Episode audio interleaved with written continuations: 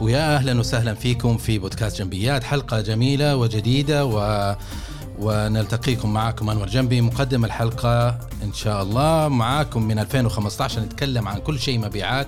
اليوم عندي مفاجأة لكم جميلة إن شاء الله. معاكم ضيف مميز ورائع لكن مش لأول مرة. هشام آه، قابلناه يعني مرتين الحمد لله. وتكلمنا في مواضيع حساسة وشيقة.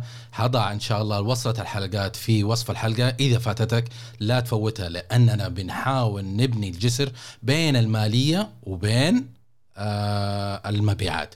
نعرف كيف ممكن أنه نشتغل بتناسق وتناغم وفاعلية أكبر بمصلحة المنظم مصلحة البزنس.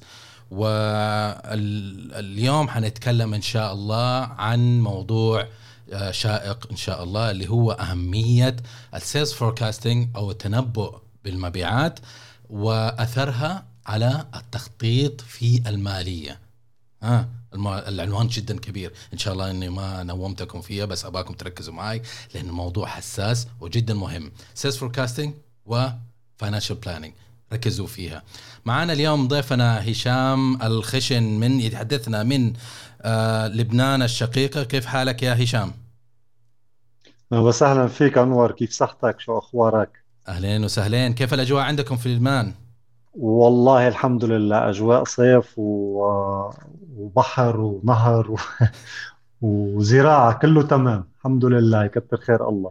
الحمد لله الحمد لله. إحنا الحمد لله التقينا هذه اللقاء الثالث صح؟ أنا عديتهم صح ولا؟ نعم نعم هذا اللقاء صحيح. الثالث أعطينا فكرة عن عن شخصك و...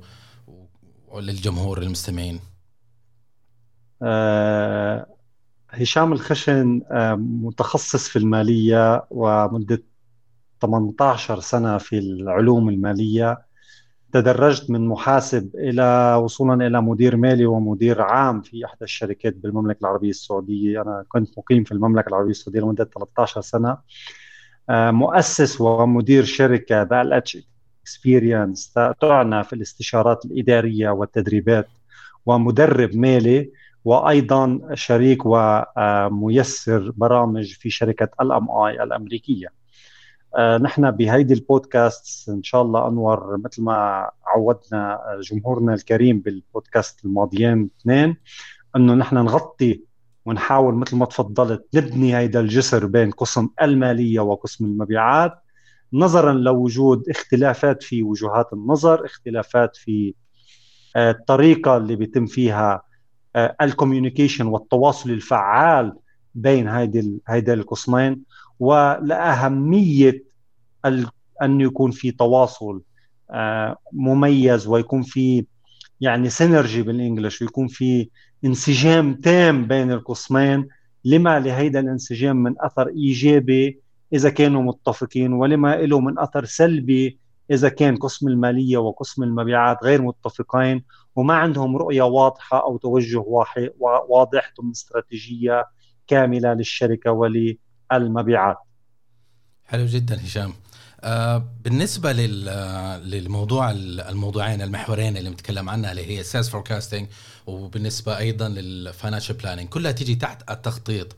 وزي ما زي ما أنت عارف في في أي آه، إطار عمل أو work frame آه، تشتغل فيه لازم يكون في جزء من من الجانب الإداري اللي هو التخطيط اللي ياخذ أكثر نسبة.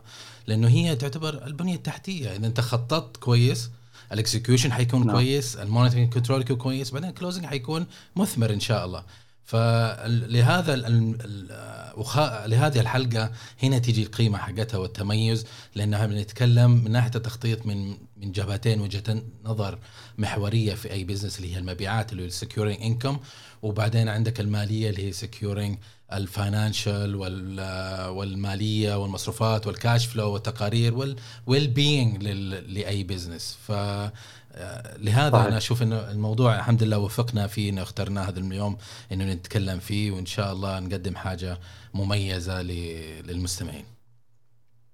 إن شاء الله. إن شاء الله.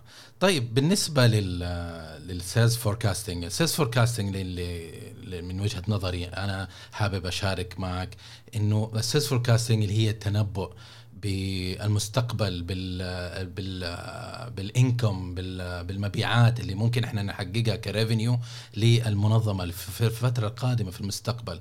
عادة الفترة هذه ايا كان يعتمد على الدراسة اللي إحنا نعملها which we're doing forecasting. يعني مثلا ممكن إنه تعمل forecasting لخمس سنوات ممكن تعمل forecasting لسنة فيعتمد. الفترة ما هي محدودة إنت إيش لكن كل دراسة لها لها أهدافها فأنت تختار الفترة الزمنية المناسبة آه، ليك. فإذا انك انت تشتغل على ال forecasting السنوي فمعناته عندك 12 شهر فأنت تطالع في الأفق آه، إيش هي المبيعات إيش ال contracts اللي تبغى تضرب فيها إيش ال probability لكل واحد منهم وكم تتوقع منها إنه يتحول.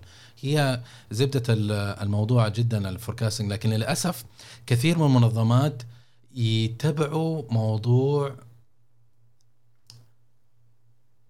غير بعيد عن هذا المحور اللي هو ال sales forecasting ممكن إنه هو يجي يقول لك okay ال target حقك أنت 12 مليون للسنة يا أنور إذا كل شهر تحقق مليون. Is our sales forecasting this is not sales forecasting أنت طلعت آه، في ال financial target حقك يعني divided it آه، يعني بالتساوي على الشهور كلها which is not ما هي ما هي طريقة صحيحة. ليش؟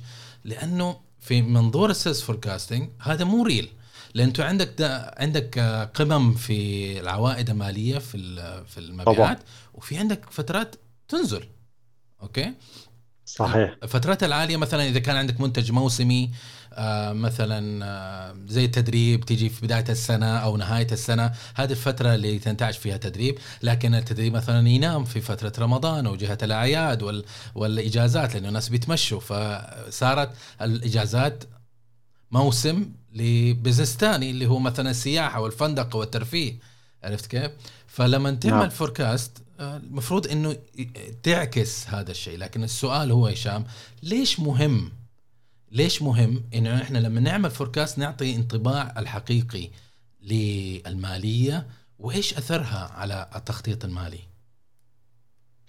هلأ خلينا ناخذ هيك تشبيه بسيط آه، أخي أنور لموضوع ال sales forecast وأهميته على التخطيط المالي آه بعدين حنرجع نعرف التخطيط المالي بس آه السيارة من دون بنزين ما بتمشي. فأي شركة وأي تخطيط مالي من دون forecast للمبيعات ومن دون تنبؤ بالمبيعات حنشت... حنحكي نتكلم عن طرق المبيعات وأهمية الأرقام تكون منطقية وقريبة من الواقع وليست أرقام محطوطة أعمال ليست واقعية أو أرقام مضروبة لسبب من الأسباب ولأوقات لأشياء شخصية. حنتناولهم إن شاء الله خلال هذه الحلقة. فبالتالي أهمية الفوركاست أو التنبؤ بمبيعاتنا بالنسبة لنا كأشخاص ماليين هي أساس بناء العمل التخطيط المالي.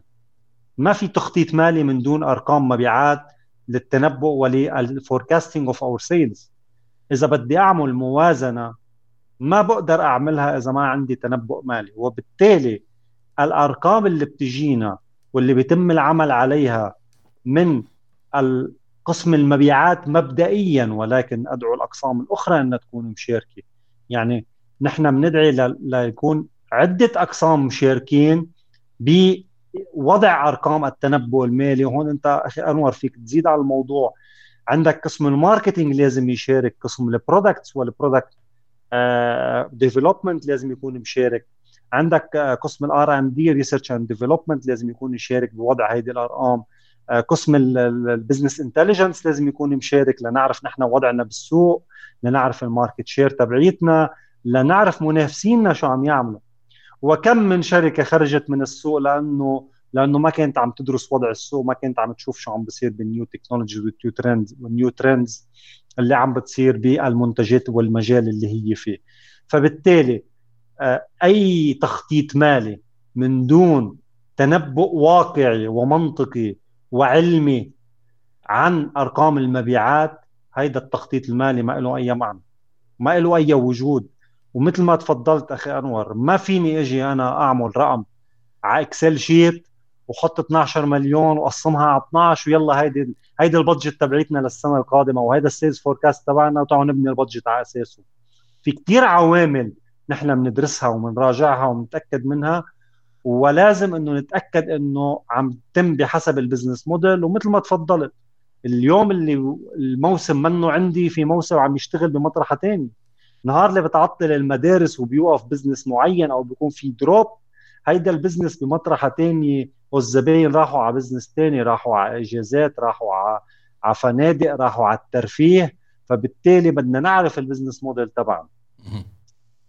رائع. وفي منظور ثاني إذا انا خلينا أستنبط من من كلامك القيم اللي قلته اللي هو أنا إذا أعطيتك تنبؤ غير صحيح من مني أنا كمبيعات أنت ال planning حقك ما حيكون دقيق ومفيد ومحقق ال objectives حقه. ليش؟ لأنه أنت من المكونات تبع الخط التخطيط المالي اللي هو أنت تنظر إلى المصاريف اللي اللي أنت spending ال payables وتطالع فيها ثم تشوف ال income كم وتشوف أنت زائد ناقص وتعمل وتحدد إنه كيف صحة التدفقات المالية تبعك. لكن أنا إذا أعطيتك شيء flat مثلا كسيناريو flat اللي هو كل شهر أحط مليون وخلاص لين آخر الشهر نجمعهم 12 شهر هذا ال target حق ال sales كامل أنت ما حتقدر ما حتعرف حقيقه إيش الموضوع لأنك حتعتمد على إنه أنور حيجيب لك مليون كل شهر. بس بعدين في النهاية حجيك في شهر ثلاثة أقول لك لا إحنا دخلنا في رمضان الآن ما حقدر أجيب مليون حجيب 200 ألف. طيب أنت كمالية كيف حتسدد فواتيرك في هذاك الشهر؟ صارت أقل من مصاريفك. تبي تحق تبي تدفع 300 ألف حق إيجار تبع رواتب تبع تأمين صحي تبع مش عارف إيش. وتورطت ليش؟ لأنه أنور قال لك مليون بس دحين قال لك 200 ألف. هلأ أي رقم بيوصل لعند المالية خاصة إذا كان تنبؤ للمستقبل دور قسم المالية إنه يتحقق من هيدي الأرقام as much as possible بأكبر قدر ممكن من التحقق. كيف يعني؟ اليوم قسم المبيعات أرسل موازنة أو تنبؤ أو forecast للمبيعات كانت سنة أو سنتين أو خمس سنوات أو عشر سنوات. دور أوقات في في داخل الشركات بيكون في قسم لل budgeting دور قسم التخطيط المالي أو دور قسم المالية بال startups وال SMEs إنه يجتمع مع الشخص المعد لهيدا ال forecast ويقعد يتناقش معه. كيف بيتناقش معه؟ بناء على أي معطيات؟ دور قسم المالية ودور التخطيط المالي هو دراسة ال data والمعلومات ال historical التاريخية عنا بالشركة. بما أنه ال system بين إيدينا وال data آه، صحيحة ودقيقة قدر الإمكان بيعمل data analysis وتحليل بيانات للأرقام اللي بين إيدينا بيقدر يعرف هذا الرجل المالي إنه شهر ثلاثة أو شهر رمضان كنوع business ك business model اللي بنشتغل فيه الشركة بيكون في عندي drop بالمبيعات ومثلا فصل الصيف لأنه بيكون في إجازات وبتكون المدارس معطله عندي drop okay؟ فاذا لما تجي الأرقام أول شيء بيعمله ياخذها بيراجع مع ال historical data هل ال trend of sales forecast اللي واصلني يتطابق مع ال trend of historical data yes or no طبعا نحن حنبسط الحكي لأنه فيها شغل كثير هيدي الخطوة البسيطة اللي عم نحكي عنها نحن. بدك تروح تعمل analysis على ال data. أوقات أنت بتضطر تفوت by client يعني ما بيجيك ال forecast إنه والله بال 2024 نحن كشركة حنبيع ب 100 مليون قسمها على 12 وهذه وهذه ال forecast طبعا. بيطلب ال بيطلب ال finance بيطلب تفصيلها by client أوقات بنطلب تفصيلها by product family عائلة هذا المنتج okay. أو category okay؟ بنطلب بال... بنطلب by month شهريا. ليه؟ لأنه أنت ذكرت موضوع الجدول موضوع موضوع التدفقات النقدية. أخطر شيء نحن بنواجهه بموضوع لما ما تزبط معنا التنبؤات المبيعات والمالية هو هو التدفقات النقدية.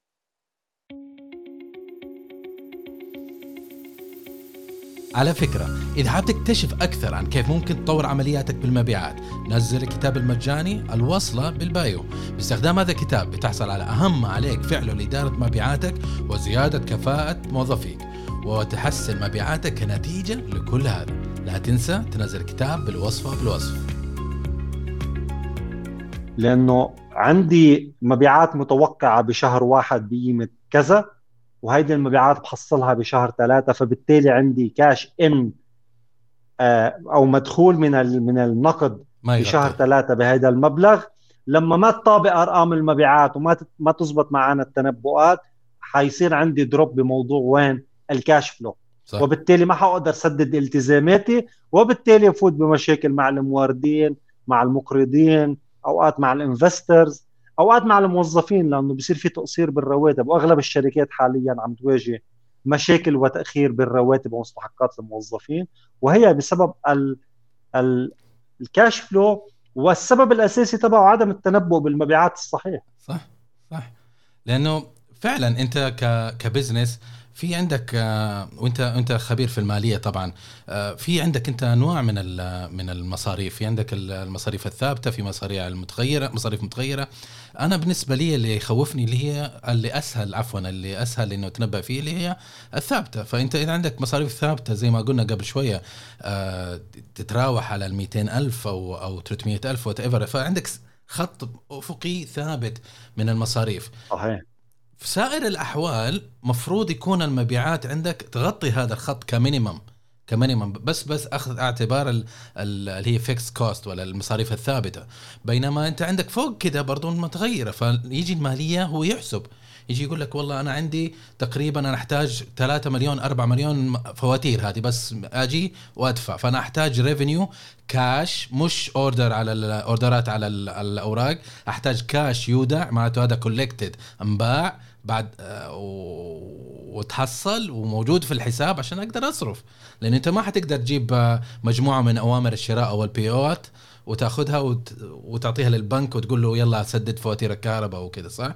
تحتاج كاش صح صحيح بجزئيه معينة لأنه أوقات البنك بيخصم لك هذه الفواتير وبي... وبيعطيك جزء منها آه، حسب نوع العميل وحسب هذا بس هنا بنفوت بمواضيع البنوك والإقراض وال... والهيدا. وعادة ما كثير بنفضل مواضيع إلا إذا كان في planning واضح ودقيق وقريب من الواقع لأنه فوتة البنوك وفوتة الإقراض من البنوك كمان منا سهلة. بس النقطة اللي حكيت عنها أخي أنور هي نقطة المصاريف الثابتة والمصاريف المتغيرة.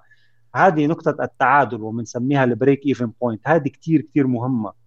وأول شغل بده يصير على صعيد المبيعات هي متى ما هي نقطة التعادل؟ ما شو هي ال break even point ال break even point هي لما تكون مبيعاتي عم تغطي لي مصاريفي الثابتة ومصاريفي المتغير.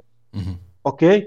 وبالتالي عدد الوحدات اللي عم بيعها لنفترض إني عم بيع ألف وحدة عم تعمل لي break even point مصاريف ثابتة ومصاريف متغيرة بصير أي أي contribution margin بنسميها. على أي unit إضافية عم بيعها هذه بتصير معي على طول بتصب بالربح. okay؟ كثير مهم نعرف ال break even point تبعيتنا. المصاريف الثابتة والمصاريف المتغيرة يجب أن يغطوا اثنيناتهم وليس واحدة منهم. أنا لازم أغطيهم اثنيناتهم بعملي بال sales وال forecasting لأنه إلا إذا كنت بوضع بعدني startup وبتوقع عندي سنة سنتين ثلاث آه، لأكون بلشت أقدر أعمل غطي مصاريفي الثابتة والمتغيرة. ولكن ك SME صار لها ثلاث أربع سنوات بالسوق أول هدف بدي يكون عم بشتغل عليه هو ال break even point analysis متى أنا بوصل لل break even point how many units كم وحدة لازم بيع لتوصلني لل break even point okay؟ ومن بعدها كم الربح المتوقع على أي إضافة من المبيعات أو المنتجات اللي عم إيش هي break even point قبل ما نكمل؟ نقطة التعادل. نقطة التعادل هي لما مبيعاتك تساوي مصاريفك المتغيرة والثابتة.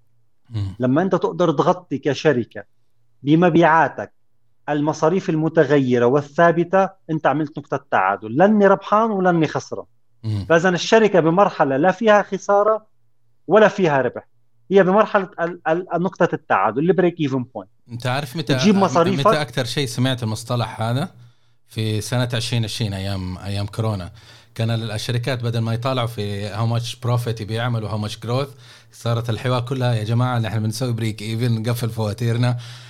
كم طبعا. كم تقدر تسوي بيع عشان نعمل break even did we hit بعدين نهاية السنة الشركات صارت تتكلم مع بعض يقول لك هل هل عملت break even ولا ما عملت break even يقول لك والله صحيح. على وشك كان minus شوية وما أدري إيش فاللعبة كانت كلها على ال break even لأنه أنت أخي أنور لما تبلش بمرحلة أنت صرت بالخسارة بتبطل تفكر متى بدي أربح وكم بدي أربح. م. بصير همك هو ال break even point إنك تبطل تخسر.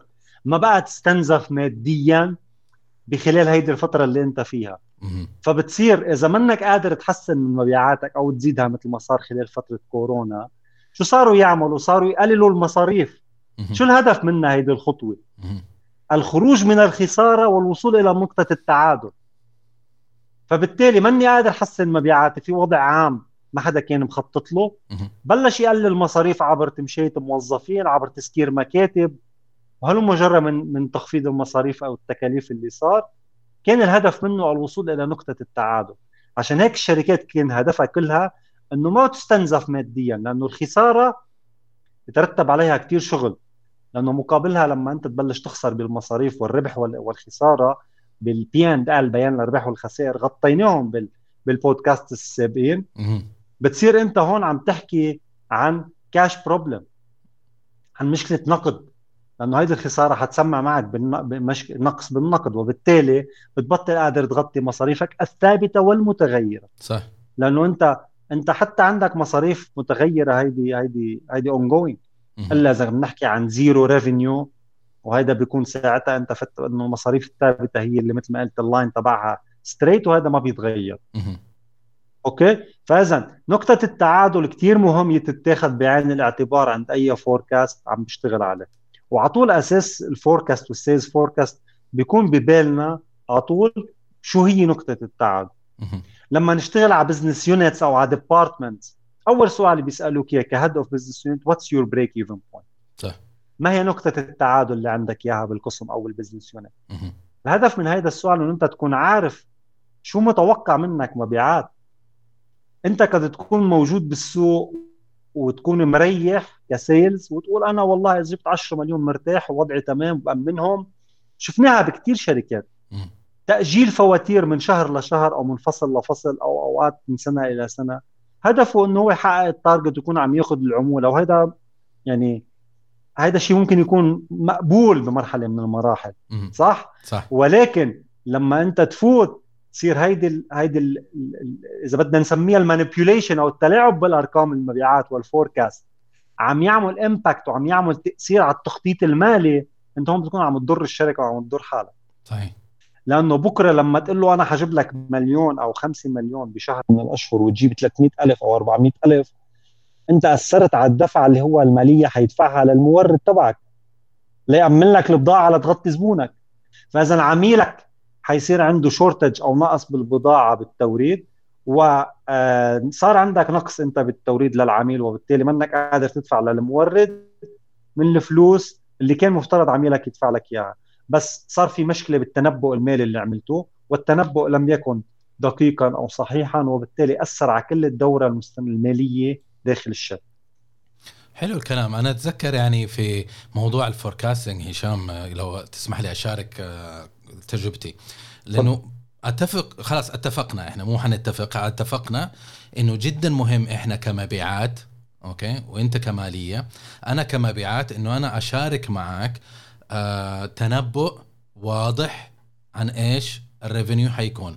مو مهم يكون أحسن شيء ممكن. مو مهم إنه يكون آه، نايل رضاك إنت كمالية بس أنا أعطيك الصورة سواء كانت الصورة جميلة أم قبيحة بس أعطيك هي عشان إنت تعرف وفي بداية هذه الفترة اللي إحنا نعمل تنبؤ فيه إحنا كفريق مع الإدارة ننظر ونقدر نحدد نقول أوكي هذا التنبؤ ممكن نشتغل فيه هذا التنبؤ ما حنقدر نشتغل فيه. فحنحتاج نعمل آه، أفعال أو مبادرات أو تضخيم للأعمال أو نوظف زيادة أو نفتح سوق أو نجيب منتجات whatever حركات تصحيحية. من البداية مو نهاية السنة نيجي نقول okay أنت forecast 12 شهر هيك هيك هيك هيك الحين صرنا بال month ما في وقت خلاص أنت لأنه انت ما خططت بطريقة صحيحة ما تنبأت بأعمال مش عارف إيش صحيح. المالية ك finance مسؤول إنه هو يبني علاقة مع ال banks وي secure آه، القروض البنكية مسؤول إنه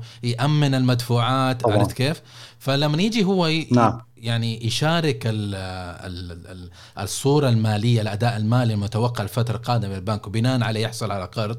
يجي نهاية السنة يجي يقول للبنك والله معليش إحنا ما قدرنا نعمل مبيعات صورتك تهتز كمنظمة قدام البنك السنة الجاية حذر إذا كنت تبغى قرض من البنك البنك ما حيعطيك قرض ثاني إلا إذا كان غبي. عرفت كيف؟ ففي هذه الإشكالية تبعات اللي إحنا ممكن نتوقعها من من التنبؤ السيء. تبي تقول شيء اسمح لي اسمح لي عقب إيه، لا اسمح لي بس عقب على نقطة كثير مهمة. آه، في شيء اسمه scenario analysis لما تبني تنبؤاتك البيعية أو التنبؤ بأرقام المبيعات أنت عم تحاول إنك تحط أرقام قد تتناسب معك كقسم مبيعات. وبالتالي هيدي الأرقام قد لا تتناسب مع النظرة الشاملة للشركة ككل. م. وهون بيجي دور التواصل مع الأقسام الأخرى وأهمها المالية وال marketing وال product development وال R and D إنه يكون الكل عم يحكي نفس اللغة والكل متجه على استراتيجية على استراتيجية واضحة ورؤية واضحة. نحن شو بدنا نسوي السنة القادمة؟ م. فبالتالي أنت بتبلش بالاستراتيجية تبعت الشركة. نحن بال 2024 مثلا شو متوقع مننا؟ شو بدنا نسوي؟ وين بدنا نكون؟ okay؟ وبتبلش تحط هيدي الأرقام. لما تشتغل scenario planning أو scenario analysis تقعد أنت بتقول إذا متوقع 100 مليون من مشروع واحد اثنين ثلاثة أربعة من العميل الفلاني والعميل الفلاني من المنتجات الفلانية والمنتجات الفلانية okay؟ تقعد تراجع كل هيدي ال data big data هيدي big data analysis هيدي أرقام كبيرة. منها أرقام إنه حط 100 مليون و... ويلا قسمها بال Excel قسم 12 وخلصت القصة. مش هيك. م. هيدا بنجي على scenario analysis طيب بنبلش ال what if what if هيدا المشروع ما أخذناه. what if هيدا ال PO أخذنا نصه وما أخذناه كامل. what if هيدا العميل خسرناه. what if هيدا ال supplier خسرناه. هيدي سيناريوهات كلها ممكن تصير معنا خلال العمل السنة. يعني during the operation سنويا أنت معرض إنك تخسر زباين ومعرض إنك تخسر موظفين ومعرض إنك تخسر وكالات أو موردين معرض إنك قد تسكر فرع بمنطقة فلانية إذا كنت أنت بعيد عن شو عم بصير فيها هيدي المنطقة. ومعرض إنه يكون في أجواء إيجابية من إنك تاخذ وكالة جديدة تجيب منتج جديد تفتح business line جديد. قد تفتح فروع جديدة بمناطق منك كنت موجود فيها. وهنا التخطيط المالي والتنبؤ بالمبيعات مش بس إنه أنا بقعد ورا Excel sheet بفتح ال system بنقعد ثلاث أربع ساعات مع بعض ويلا خلينا نركب. sales budget أو خلينا نركب financial budget مبنية على التنبؤ بمبيعاتنا. نعم. أنت موجود بسوق بسوق volatile أنت موجود بسوق مرن ومتغير يوميا. بدك تكون عم تعرف منافسينك شو عم يعملوا بدك تكون عم تعرف ال new technology بمنتجاتك. كلها هيدي scenarios وبالتالي بال Excel بال Excel sheet في في tool اسمها scenario analysis تشتغل معك على السيناريوهات المختلفة اللي ممكن تصير معك. وبالتالي لما أقول بدي أجيب 100 مليون ريال مبيعات السنة القادمة وإذا هيدي ال 100 مليون صارت 75 طب شو تأثير هيدا التغير أو هيدا ال drop ب 25 مليون على ال financials أو على ال financial plan لما نحن أخي أنور نشتغل budgeting ك finance أول budget بنشتغل عليها بندربها بالتدريبات اللي بنعطيها عن ال budget أول budget أو forecast بنشتغل عليه هو schedule المبيعات. ليه؟ شو السبب؟ اللي بيخلينا أول شيء نطلب أرقام المبيعات. لأنه أنت ما بتقدر تعمل ولا أي financial planning ما فيك تتنبأ بال production صح؟ صح. ما فيك تتنبأ بالعمالة اللي بدها تكون موجودة عندك. م. ما فيك تتنبأ بال supply chain وال procurement طيب أنا إذا مش عارف السنة القادمة كم حبيع كيف بعرف كم حأشتري وكم حأتكلف freight و customs و و؟ صح. طيب كيف بيجي ال HR؟ بيتنبأ بال human resources اللي هو محتاجه. إذا منا عارفين قد إيه المبيعات للسنه القادمه طيب إذا منا عارفين كم مبيعاتنا كيف بدنا نعرف نعمل قد إيه ال marketing plan تبعتنا معي؟ صح. كيف بدي أعرف أعمل planning لل back office team شو اللي بيخليني أوظف محاسب أو مشي محاسب أو وظف اثنين HR أو ما وظف هو حجم المبيعات. وبالتالي إذا حجم مبيعاتي قريب من الواقع ومرسوم له سيناريوهات. بنقول إذا صار ثلاثة ثلاثة cases بال scenario analysis نشتغل فيهم أخي انور بال budgeting best case scenario وهو أفضل سيناريو ممكن يصير معنا وهو هيدا الايجابي كثير base case scenario وهو المتوقع والقريب من الواقع جدا. وال worst case scenario كمان لازم نكون مجهز له. معروف عننا ناس الفاينانس والمالية على طول بنفكر worst case scenario على طول ال worst case scenario براسنا what if دورنا نكون هيدي الناس السلبيين أوكي؟ هيدي البومي اللي عم تعطي هيدي ال negativity. دورنا. معلش بالاذن من إخواننا الماليين. هيدا الدور تبعنا نسأل هاي الأسئلة.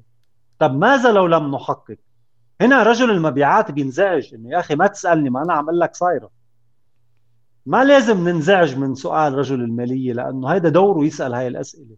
لما انت ما تحقق ال 100 مليون بالنسبة لك ما تحققت. في عوامل كثير اشتغلت ضدك انها ما تحققت. ولكن بال... بال... وراء الستار عند المالية وقسم المالية عدم تحقق الأرقام حتى لو شهر لشهر. هيدا له تأثير كثير كبير على الكاش فلو على المصاريف على القروض مثل ما مثل ما حكينا على كل العوامل اللي بتصير عنده بقسم المالية. وبالتالي تجي عند المبيعات بتقول له أنت ما حققت المبيعات هيدا الشهر أو هيدا الفصل. يا رجال بسيطة بحصلها ما تشيل هم أنا حجيبها بعدين. أنت لما حتى لو أنت واثق إنك حتجيبها بالفصل الثاني اللي هو ال gap تبع الفصل الأول أنت ما بتعرف التأثير تبعها عند المالية شو صار. وال وال وال cycle أو ال chain اللي انكسرت بمطرح من المطارح إنه ما تحقق رقم المبيعات. خلاص كمبيعات بقول لك ما حصلتها انت لك منهي ال target السنوي والتنبؤ المالي السنوي اللي أنا أعطيك إياه. 100 مليون ححصل هذه ال 100 مليون. بس كيف بقسمها؟ ما لك شغل. ما بتزبط. هيدي ما بتصير. م. كيف؟ ما هو لما تقسم لي إياها شهريا هذه لضرورات التخطيط المالي ولا ضرورات الكاش فلو ولا ضرورات الالتزامات اللي موجودة على الشركة. والا كيف بعرف متى بسدد ومتى بوعد المورد إني سدد له ومتى بلتزم مع البنك. هلأ البنك لما بيعطيك قرض ست شهور مثلا. م. أوكي؟ هو بيعطيك قرض على ست شهور. عندك أنت عندك قدرة تاخذه ست شهور. طب كنا نحن ناخذ هذا القرض لمدة شهر فقط. ليه؟ لأنه عندي تنبؤ إنه في cash in حيجي بناء على تنبؤ بالمبيعات. لما ما يصيب هيدا التنبؤ بالمبيعات وهيدا ال cash in مضطر أنت ترجع تأجل مع البنك ما تاخذ شهر بدك تغطي ست شهور كامل وكذا وصلنا لنهاية الجزء الأول من هذا اللقاء مع هشام الخشن اللي تكلمنا فيه هذه الحلقة عن العلاقة بين ال sales forecasting أو التنبؤ بالمبيعات وال sales ال financial planning اللي هي التخطيط المالي. الحلقة هذه جدا جميلة، الجزء الثاني حيكون مشوق لأنه حنتطرق إلى مواضيع أخرى في تحت هالسياق لكن أعمق وأكثر حساسية.